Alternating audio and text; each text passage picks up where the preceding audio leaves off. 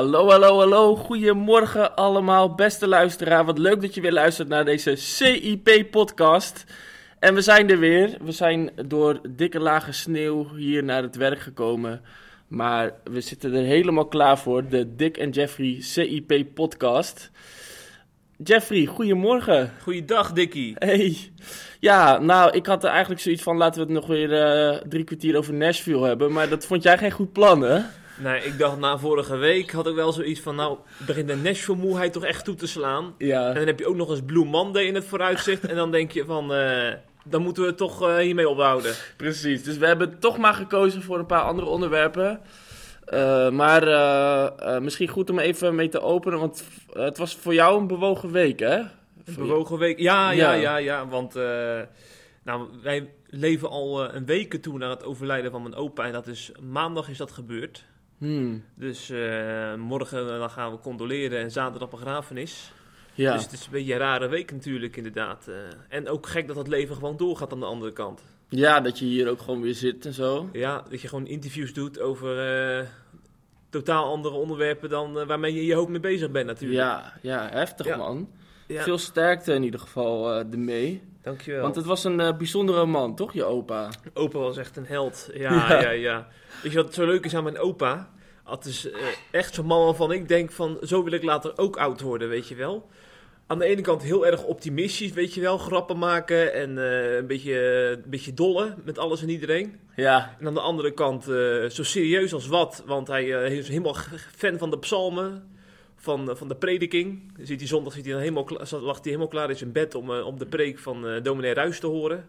Dat is zijn dat dominee. was zijn dominee, ja. ja, ja, ja. Oh, mooi. En ja, dus... Ja, wat bijzonder, joh.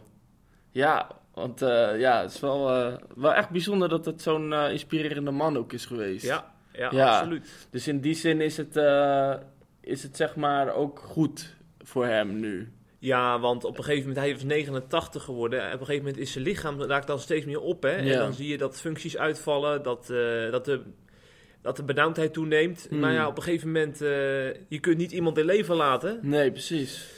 Het lichaam houdt op en dan hoop je gewoon dat het zo snel mogelijk en zo pijnloos mogelijk eh, ten einde loopt. Ja, Dus dat is uiteindelijk gelukkig gebeurd. ja. Nou, Ja. mooi in ieder geval. Ja. Nou, veel sterkte in ieder geval ermee. Ook namens de mensen die luisteren. Want het, eh, die zullen ongetwijfeld ook eh, ermee meeleven. Mooi. En ja, zoals je al zei, dan gaan we toch weer over de, naar de orde van de dag, zeg Ja. maar. Het leven moet verder gaan. Ja. Zeker. En dat is in dit geval is dat ons eerste podcastonderwerp. Ja. En dat is Kees van der Staaij. Ja, Kees van der Staaij. Ja, we zouden het niet over Nashville hebben. En eh, dat is eigenlijk ook zo. Maar dit heeft toch wel... De aanleiding was wel Nashville dit, bij dit onderwerp. Ja, Want Kees van der soort van Staaij... eh, eh, nog even afbouwen. nu, nog even toch? afbouwen. Ja. Ja. Kees van der Staaij die heeft natuurlijk ook de Nashville-verklaring mede ondertekend. En Claudia de Brij, die schrijft mo- mooie columns in de eh BNN Vara-gids. En zij, wij kennen haar als cabaretière, als zangeres, als bekende Nederlander ook. Want ze heeft, zit ook, eh, schrijft regelmatig bij talkshows aan om over allerlei onderwerpen mee te praten. Ja, zeker. En zij heeft een goede, of zij had moet ik zeggen, een goede verstandhouding met Kees van der Staaij. Want eh, Van der Staaij heeft een paar jaar geleden heeft hij een boek geschreven.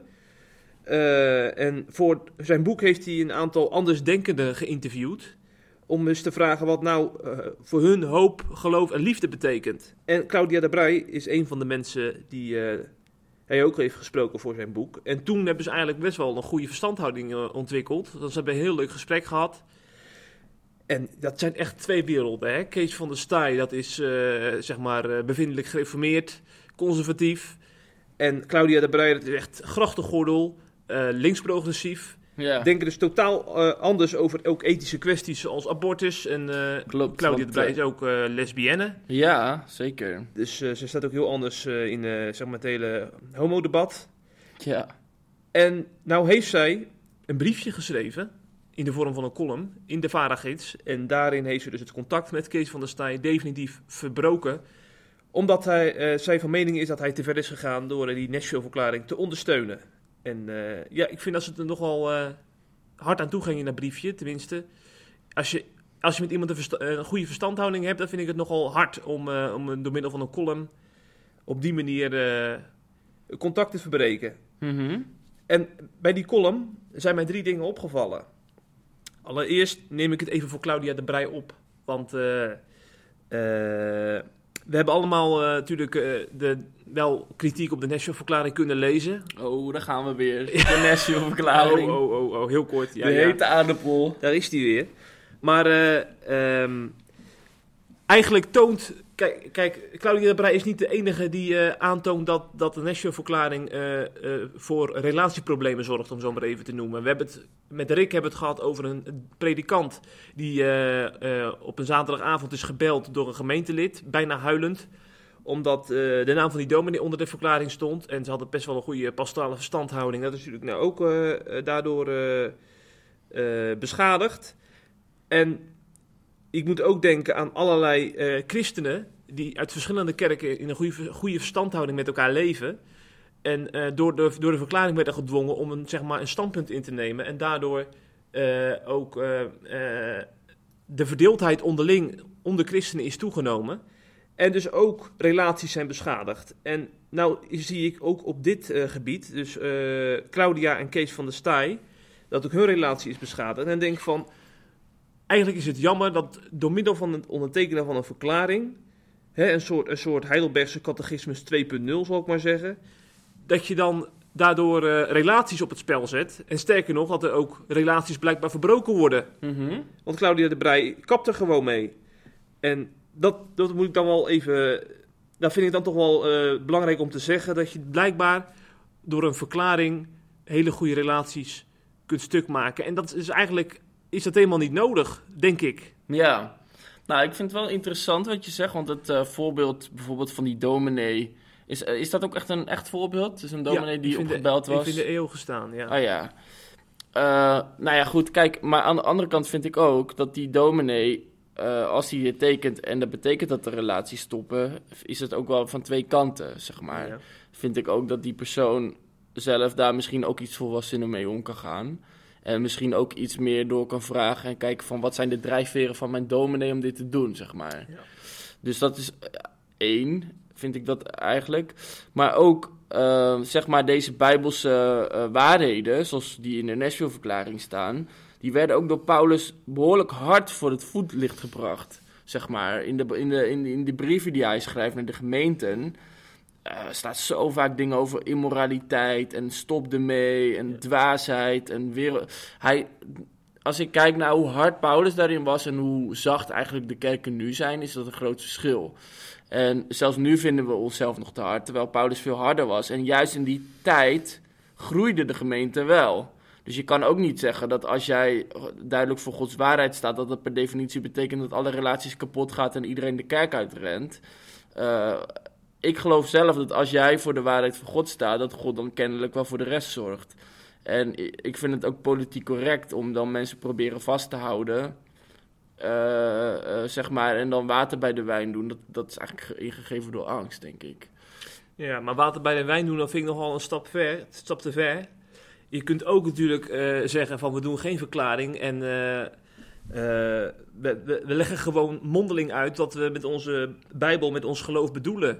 En dan Ja, komt maar dat de wordt ook niet keukentafel wel heel anders over dan, dan zo'n zo'n verklaring natuurlijk. Maar ik, ik zie dat nergens gebeuren dat christenen eh, openlijk durven te praten over homoseksualiteit en gewoon daar een duidelijk standpunt in nemen. Dat, dat, ik denk dat, ik zie dat op geen één manier. Ik zou niet weten hoe ze het dan moeten doen, zeg maar. Nou, Claudia de Brij en eh, Kees van der Staaij, die hadden dus voor die verklaring nog wel een goede verstandhouding. Denk, ik, denk, ik ben ervan overtuigd dat ook dat aan bod is gekomen in, eh, in een, in een eh, gesprekken. Want als je als SGP-leider een, verstandhouding hebt met een uitgesproken lesbienne die eh, ook nog eens bekende Nederlander is, Mhm. dan is het natuurlijk het eerste, eh, dat is het een van de eerste onderwerpen die je denk ik bespreekt. Ja, maar ik denk als jij voor de, de dingen staat vanuit de Bijbel, zeg maar, dat, je, dat het wel inherent is dat je mensen boos gaat maken, per definitie. En je kan dat niet tegen. Of je het dat- nou over, abortus, of, je, of je het nou over abortus doet of wat dan ook, weet je, mensen zullen boos worden. Maar je gaat ook mensen krijgen die zeggen, eh, ja, het was heel confronterend wat je zegt, maar dankjewel dat je mij de waarheid hebt verteld. Ja. Zeg maar, weet je. En dat, eh, eh, ja, juist de waarheid zet mensen vrij, staat ook natuurlijk in de Bijbel. En dus ik denk aan de ene kant ook alweer van, ja, al die drama-verhalen van mensen die dan geen pastoraat meer willen en zo. Dan denk ik van, ja, als die mensen daar zo, eh, zelf zo heftig mee omgaan, is dat ook iets van hun eigen eh, relativeringsvermogen, zeg maar. Mhm. Of incasseringsvermogen. Ja. Ja, ik snap je punt wel. Maar in dit geval vind ik het wel eh, een beetje jammer, omdat eh, Kees van der Staaij heeft ook duidelijk aangegeven dat hij achteraf zijn naam niet onder die verklaring had willen hebben, omdat hij politiek en, en dit soort theologische verklaringen wil scheiden. Mhm. En eh, in, in dat kader vind ik het heel jammer, want dan, dan eh, staat hij er blijkbaar ook niet helemaal achter die ondertekening. En dan is zo'n relatie toch stuk gegaan door, door een misverstand, omdat die initiatiefnemers zijn naam hebben, eronder hebben gezet. Maar ik, ik, ik vind dat je wel dat je een terecht punt maakt. Het, het is natuurlijk niet zo dat wanneer eh, half Nederland over je heen valt, dat je dan ook eh, van je standpunt moet wijken en ook je, je standpunt moet nuanceren. Mhm. Ik bedoel, eh, je moet gewoon voor je principes blijven staan natuurlijk. Dat is ook Ja. zo. Ja. Dan En- komen we bij punt 2. Ja, want eh, Claudia heeft een, wat mij betreft een bijnaam, namelijk Tolerante Claudia. Want daar, daar, ze, ze klopt zichzelf behoorlijk op de borst ook, vind ik, eh, eh, in haar stukjes. Omdat ze ook, ja, laten we eerlijk zijn, ze behoort tot de Amsterdamse grachtengordel. En dat zijn over het algemeen toch mensen die, die in een enorme links-progressieve bubbel leven. En vanuit die bubbel valt mij op toch ook wel vaak neerkijken met dédain op, op andersdenkenden. Met name uit conservatieve hoek. Eh, omdat ze nou eenmaal hele andere ethische standaarden hanteren daar eh, in die grachtengordel. Ja. En ehm, eh, terwijl ze wel aan de, indruk, aan, de, aan de andere kant wel heel erg zeg maar, tolerantie opeisen. Hè, van zeg Bijbelbelt, wij willen heel graag dat jullie ook onze denkbeelden accepteren. Want we leven nu in een geseculariseerd Nederland. En accepteer ons.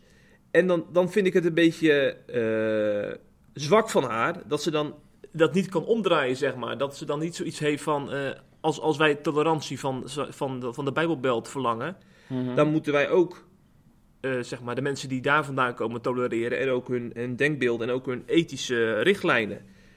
En dan vind ik het wel heel jammer dat ze dan eh,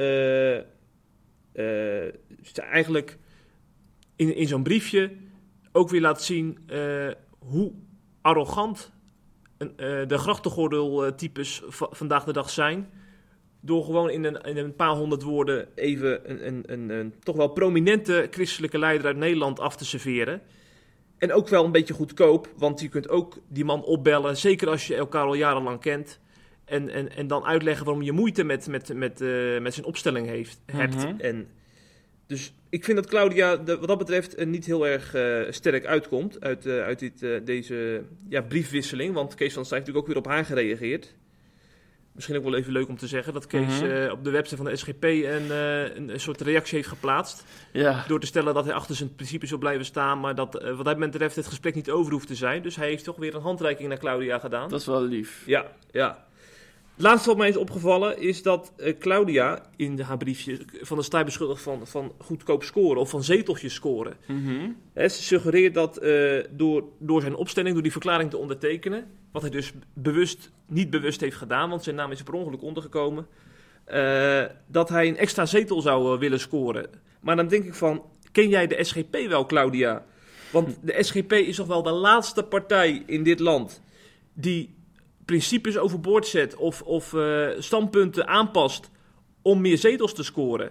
Dat, dat, dat, dat is veel meer weggelegd voor partijen als D66 of eh, CDA, eh, PVV, weet je wel. Dat zijn echt partijen die ook, als er een andere leider komt, andere standpunten innemen en soms ook met, met de stroom meegaan in Nederland. Maar de SGP, ik moet denken aan die Second Love reclames. Ja. Dat is, dat heb je, die hebben zoveel lef getoond door gewoon in de, de wereld draait door en in pauw te uitgebreid te verkondigen dat ze dat verschrikkelijk vinden en dat ze overspel afkeuren en, en, en, en echt pal voor het huwelijk gingen staan, zal ik maar zeggen. Ja. Dat is echt een mentaliteit van eh, tegen de stroom ingaan en achter je principes staan, weet je wel. En dan, dan vind ik het echt goed, heel goedkoop om dan zo'n partij te beschuldigen van zetelscoren als je dan een verklaring ondertekent. Dan denk ik van, verdiep je dat toch eens in zo'n partij en in de politiek en ga niet zo eh, een- goedkoop een column schrijven in de Varagids. Kom op Ja. zeg. Ben je boos op Claudia? Nou, ik, ik zal nooit boos zijn op Claudia, want het is een, eh, een hele zachtaardige vrouw. Die het allemaal ook heel goed bedoelt in het leven. Ze heeft hele mooie idealen, ze wil de wereld verbeteren. Maar ik denk, richt je dan vooral daarop en ga niet mensen afserveren. Laat dat vooral aan mensen over die zich wel verdiepen in, de- in de politiek. Ja. Oké, dus dat... nou, misschien moet je ook een briefje schrijven. Ja, dat is een leuk idee, ja. ja. Ik wil even het adres van Claudia opzoeken en dan schrijf ik een briefje. Waarschijnlijk ergens aan de Herengracht of zo. Ja, waarschijnlijk wel. Dan, ja, eh, misschien naast Antoine Baudard. Ja, woont hij daar ook? Nee, nee, nee, trouwens, nee, ik weet Die niet woont toch zeker. in Italië, of Nee, maar hij heeft een tweede huis in Amsterdam. Oh, echt waar, maar joh. volgens mij eh, in een andere staat. Maar Oh, ja. wel in, in de buurt daar. Ja, Ja. dat zou leuk zijn. Wat, wat Claudia ook wat vaker zou kunnen doen, is profiteren. profiteren. Ja, dat zou, wel, eh, dat zou ze wat vaker kans, moeten en doen. de kans op cursus bij Klaas van Denderen, begrijp ik. Sowieso, want dat... eh, eh, ja, want Klaas geeft daar cursussen over. Ja. Klaas van Denderen. Ja. Die kan u niet ontgaan zijn, want hij staat al wekenlang op cip.nl, Klaas van Denderen. Hij is een, nou, zoals je dat noemt, een, een profetische man. Een profeet, zo kan je hem noemen, maar volgens hem noemen sommige mensen hem ook een valse profeet. Maar, eh, nou, ik ehm, geef hem het... eh, ik ga er met mijn hele hart van uit dat het wel een echte profeet is hoor. Dus eh, Nee, bij deze Klaas, Ik ken hem inmiddels. wij, wij van SIP geloven dat je een echte profeet bent en geen valse profeet. Maar, ehm, nou, hij heeft dus een interview gegeven over een heleboel dingen. Dus een videoserie en eentje ging over profetie. En, eh, nou, voordat je misschien denkt van profetie, eh, eh, wat is dat? Ik kan me eigenlijk niet voorstellen, maar dat zou kunnen. Ja. Zal ik toch eventjes laten zien. In 1 Corinthians 14 vers 1 staat... Jaag de liefde na en streef naar de gave van de geest. Vooral naar die van profetie. En in 39 vers 39 staat ook... Streven naar om te profiteren. Dus dat is iets wat Paulus een heel belangrijk item vindt, zeg maar. Dat je, profi- dat je profiteert. En in de context waar Klaas het over heeft, eh, is profetie dus eh, dat, dat, eh, dat je woorden van God doorgeeft aan mensen. Of je krijgt bijvoorbeeld een beeld. En nou ja, Klaas legde dat op zo'n manier ook uit. Van dat hij ook zei van, het brengt God heel dichtbij. Want je kan bijvoorbeeld in de Bijbel lezen dat God van iedereen houdt. Maar als hij echt een specifiek woord voor jou heeft via iemand anders, waaruit blijkt dat hij eh, jou echt op het oog heeft en, en ook jouw specifieke omstandigheden. Misschien wil je een huis kopen of misschien wil je trouwen of weet je. En stel dat God daar iets over zegt, eh, dan kan dat God heel dichtbij brengen. En dat kan ervoor zorgen dat je relatie met God versterkt wordt en dat je de Bijbel beter gaat lezen. Of je kan je bijvoorbeeld een bepaalde eh, richting geven in je leven. Dus Klaas echt, profetie is echt onmisbaar. Ja. Ehm, dus dat is wel een ding wat hij zegt. En eh, nou, ik heb zelf ook wel eh, wat ervaring met profetie. In de zin dat ik daar ook wel veel mee bezig ben geweest de afgelopen jaren. En ik had bijvoorbeeld, ik kan een voorbeeldje geven. Ik zat bijvoorbeeld bij mijn Marokkaanse kapper. En toen kreeg ik in één keer een woord. En dat was rugpijn. En ik dacht echt van, oh, en toen v- vroeg ik aan God van, is het voor hem? En toen voelde ik heel erg dat het echt voor hem was. Dus toen vroeg ik aan die jongen, heb je misschien last van je rug? En toen zei hij van, ja, dat klopt. En toen eh, zat ik midden in die kapperszaak, was wel grappig. En toen mocht ik ineens voor zijn rug bidden. En, eh, en de, de pijn was gewoon weg na het gebed, zeg Meen je maar. dat, joh? Ja, dat was echt. Dus hij was helemaal verbaasd en van, eh, wat gebeurt hier nou? En toen had ik zeg maar echt ingang om hem echt over Jezus te vertellen, omdat ik echt kon laten zien dat dit eh, iets bijzonders was, zeg maar, weet je. Dus hij had echt zoiets van, wauw, dit is wel, dit heb ik nog nooit meegemaakt. Maar was hij niet heel erg sceptisch toen je, toen je vroeg of je voor hem mocht bidden of dat hij rugpijn had? Nou, nee, want omdat hij zoiets had van, hoe kan je weten dat ik rugpijn heb? Ja, dus het leverde gelijk... Ja, eh, omdat ik dat woord Ja. had, zeg maar, had hij zoiets van, huh? hm. Eh, dus dat opende hem, Ja. zodat ik ook voor hem mocht bidden. Als ik misschien er binnen was gelopen en zeg van... hé, hey, eh, God, eh, Gods eh, liefde is ook voor jou. Ik wil graag een gebed voor je doen. Had hij waarschijnlijk nee gezegd. Maar profetie kan dus op die manier deuren openen... waardoor mensen echt het evangelie kunnen horen, zeg maar. En nou, jij hebt, jij, hebt, jij hebt ook wel eens... jij bent er ook wel eens mee in aanraking geweest, toch? Met profetie? Ja, ik heb een, pas heb ik een cursus gevolgd in de Oh kerk. ja, ja, ja, precies. Hebben we iets van tien avonden hebben met elkaar een eh spreekster aangehoord over wat het inhoudt. En ook gepraktiseerd door Oh oefeningen ja, te doen. oh ja. ja. En heb je dat ook, eh, had je ook nog iets leuks meegemaakt? Iets bijzonders? Ehm, ja, nou, ehm wat bijzonders. Even denken hoor. Ehm, wat was het nou ook alweer? Nou, het was meer van dat, dat het was niet per se met een oefening, maar ik, ik kan me nog goed herinneren dat ik in Nigeria was, eind vorig jaar. En eh, dat ik toen niet kon slapen en dat ik toen aan een vriend van mij moest denken. En eh, ik heb bij de gave van profetie geleerd dat wanneer er zoiets geplaatst vindt, dat je gewoon moet gaan bidden. Ja. Dus ik ben voor die jongen gaan bidden die nacht. En, eh, en toen heb ik hem, een paar dagen later heb ik hem een appje gestuurd, want ik wist niet waarom ik voor hem moest bidden natuurlijk. Mhm. En toen bleek dat hij een eh, hersenschudding had opgelopen op zijn werk. Wauw. Dat iets op zijn hoofd was gevallen. Oh, dat is wel echt bijzonder Dus inderdaad. heb ik al zoiets van, nou ja, blijkbaar... normaal is het, nou, ik maak dat soort dingen nooit mee. Want normaal ga ik Nee. zeg maar echt voor iemand specifiek bidden, omdat ik weet dat die persoon bijvoorbeeld ziek is. Ja, ja, ja. Dat is eenrichtingsverkeer. Maar nou hoor ik iets van God zelf, waarvoor, Ja. ik, waarvoor ik kan gaan bidden. Ja, precies. Dat heb ik ook op die cursus geleerd, zal ik maar zeggen. Oh, wat bijzonder. Ja. Ja. Nou, dat is wel... eh, dat is, eh, en, die, en die cursussen geeft dus Klaas ook. Hij noemt het dan een profetenschool. Dus dat gaat, zeg maar... Dus dat is een school waar je, zeg maar, kan leren om, eh, om, om ook daarin te groeien en Ja. zo. Maar Klaas heeft dus ook, eh, eh, was ook wel eerlijk in het gesprek. Eh, want hij zei dus aan de ene kant dat profetie heel veel mensen kan zegenen... of juist kan uitdagen... maar dat het ook dus verkeerd gebruikt kan worden... En hij noemde bijvoorbeeld een voorbeeld dat je, dat je kan bijvoorbeeld enorme irritaties over iemand hebben of, of over een kerk. En dat ver- vermengen met de woorden die je van God krijgt, zeg maar. En dan, Alsof God zegt dat je bij die kerk weg moet gaan, bij wijze van spreken. ja, of zo, bijvoorbeeld. Of dat jij bijvoorbeeld eh, iemand een beetje, eh, een beetje vervelende trekjes vindt hebben. En dan zeg je gewoon, ja, God zegt dat je meer eh, nederig moet worden of zo.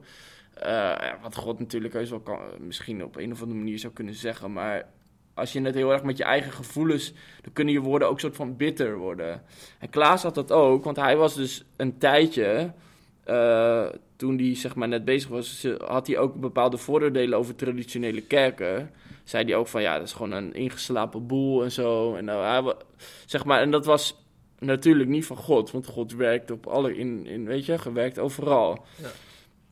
Maar dan zei hij dus letterlijk tegen mensen die uit de traditionele kerk kwamen, ging die profiteren. En dan zei hij, je kan beter weggaan joh, dat is een religieuze kliek en eh, dat gaat jou helemaal niet verder helpen. Zo.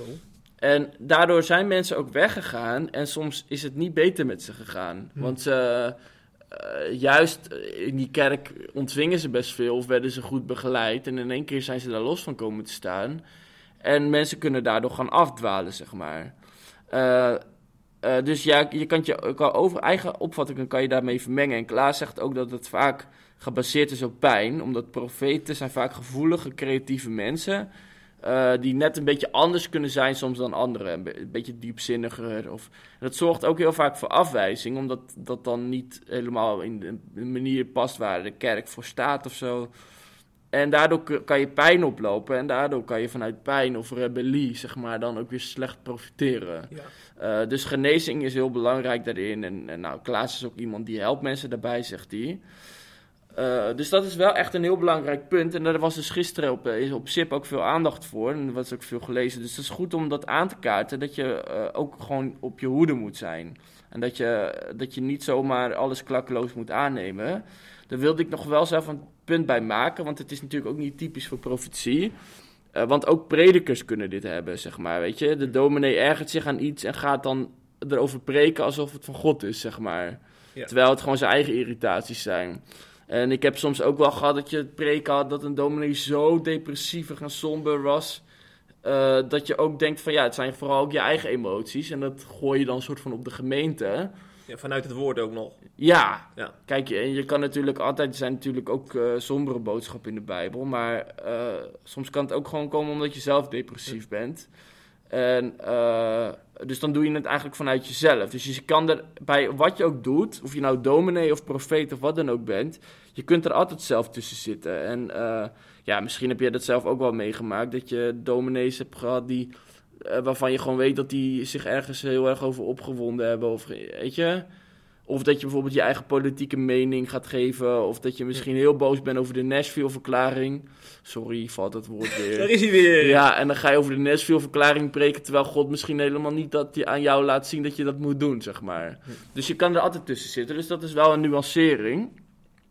Eh, en eh, nou, wat als laatste punt, wat christenen dus van Klaas kunnen leren... is dus net zoals jouw dominee ernaast kan zitten... eh, kun je er ook wel eens naast zitten als je profiteert... Eh, dus daarom moet je het ook altijd gewoon goed toetsen. Eh, maar dan moet je ook weer niet weerhouden om profetie in je leven toe te laten. En te bang zijn om, eh, voor dingen die fout gaan. Want anders kun je beter ook je dominee niet meer laten preken. Want dat is ook zeg maar een risico. Dan kun je beter hem gewoon alleen de Bijbel voor laten lezen. Want elke interpretatie zit ook iets menselijks aan als je niet uitkijkt. Dus dat is ook de boodschap van Klaas. En als je zeg maar, ondanks het risico dat je ernaast zit, er toch voor gaat, eh, kan het wel als vrucht hebben, wat bij Klaas ook te zien is, dat het heel veel mensen, heel veel levens tot verandering en bloei kan brengen. En eh, nou, hij, heeft, hij heeft wel op heel veel mensenlevens ook een grote impact. En eh, ja, dan komt er ook dan wel een beetje op neer van, ja, het is toch een soort van cadeau van God, profetie, en waarom zou je het niet openmaken, zeg maar. Hmm. Ja. Dus, dat is een, eh, dus dat zijn een beetje de voor- en tegens van het hele heikele profeet, profeteren. En kijk vooral naar de hele serie hè, op CIP. Ja, We hebben een videopagina en dan kun je alle video's van eh, Klaas van Denderen bekijken. Wat hij over profetie te zeggen heeft. Onder, Zo is dat. Onder andere. Of is het gaat alleen maar over profetie. nee, het gaat ook wel over meer Ja, onderwerpen. ja. Ja, Precies. Zeg, wij komen bij een broeder van eh, Klaas van Denderen. Een soort van collega, maar dan in Ja. een hele andere kerk. ja. Dominee van Kampen.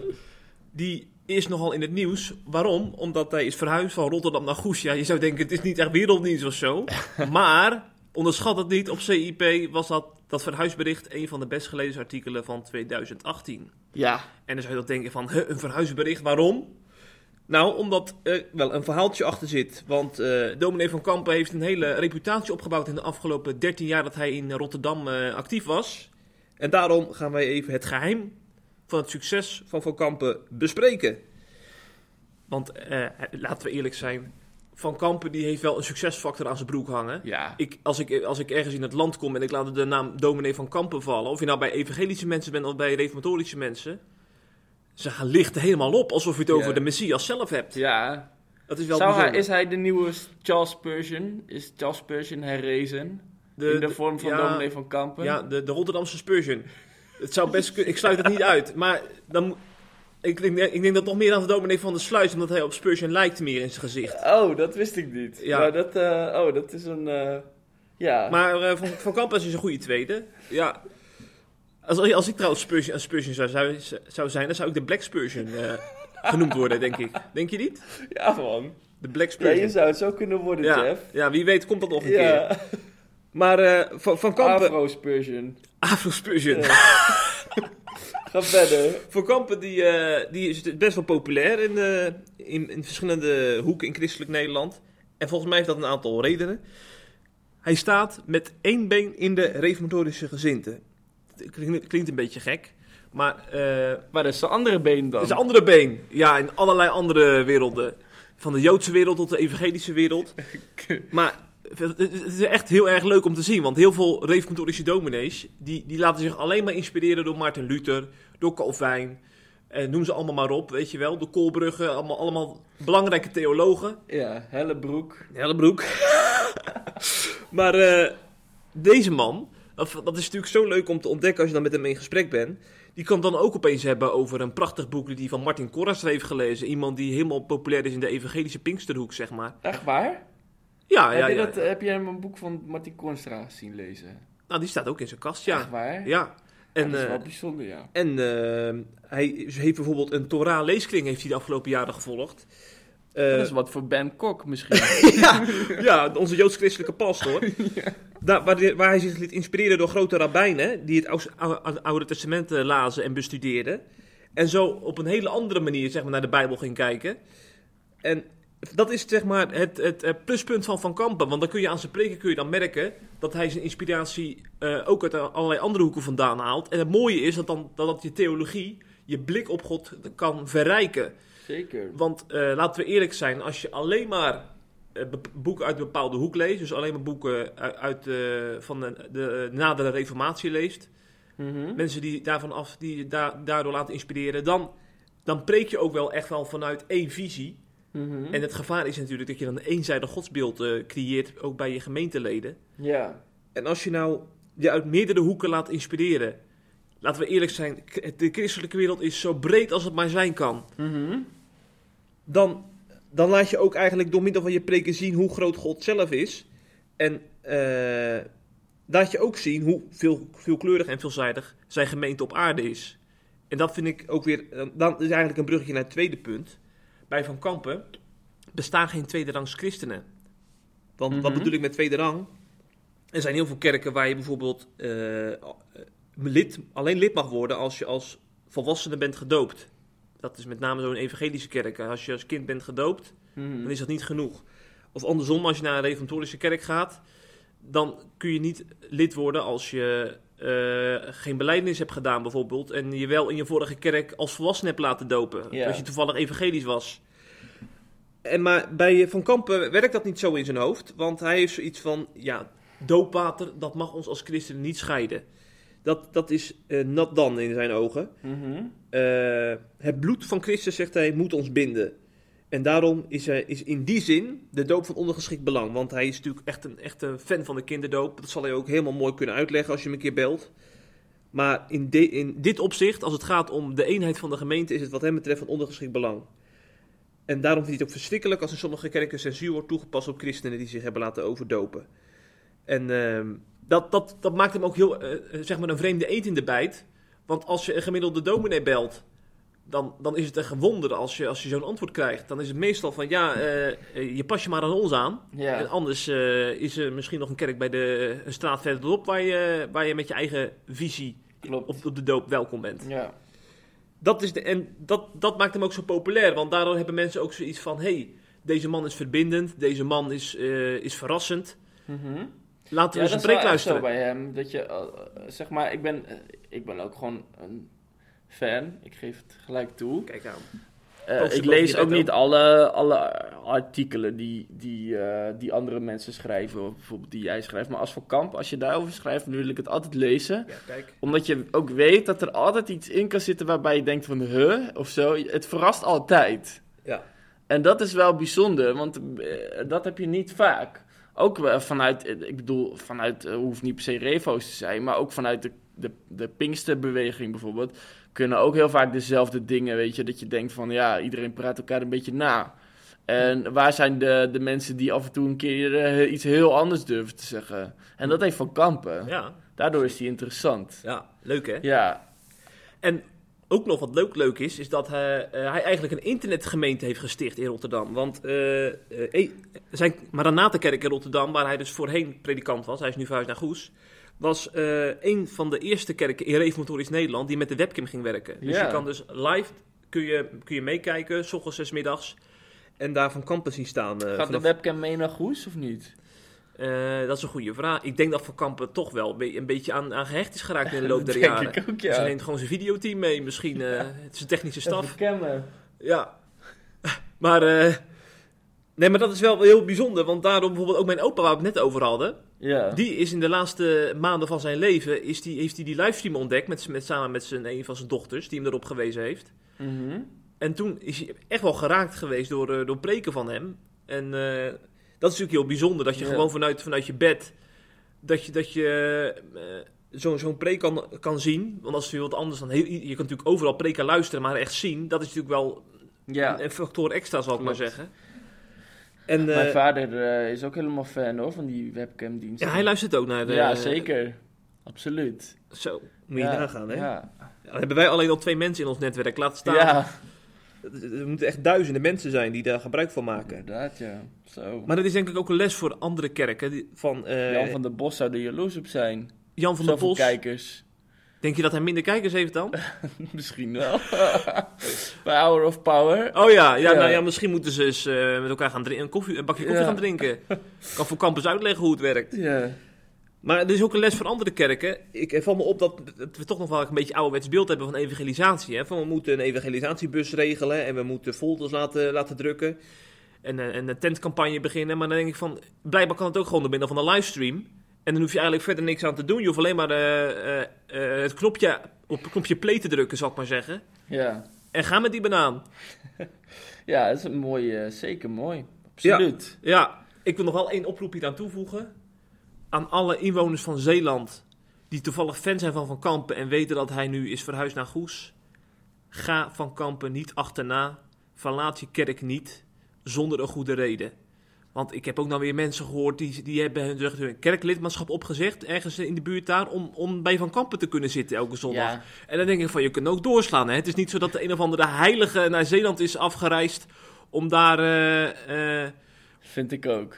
om daar als een soort halve messias, eh, zeg maar, Zeeland te hervormen.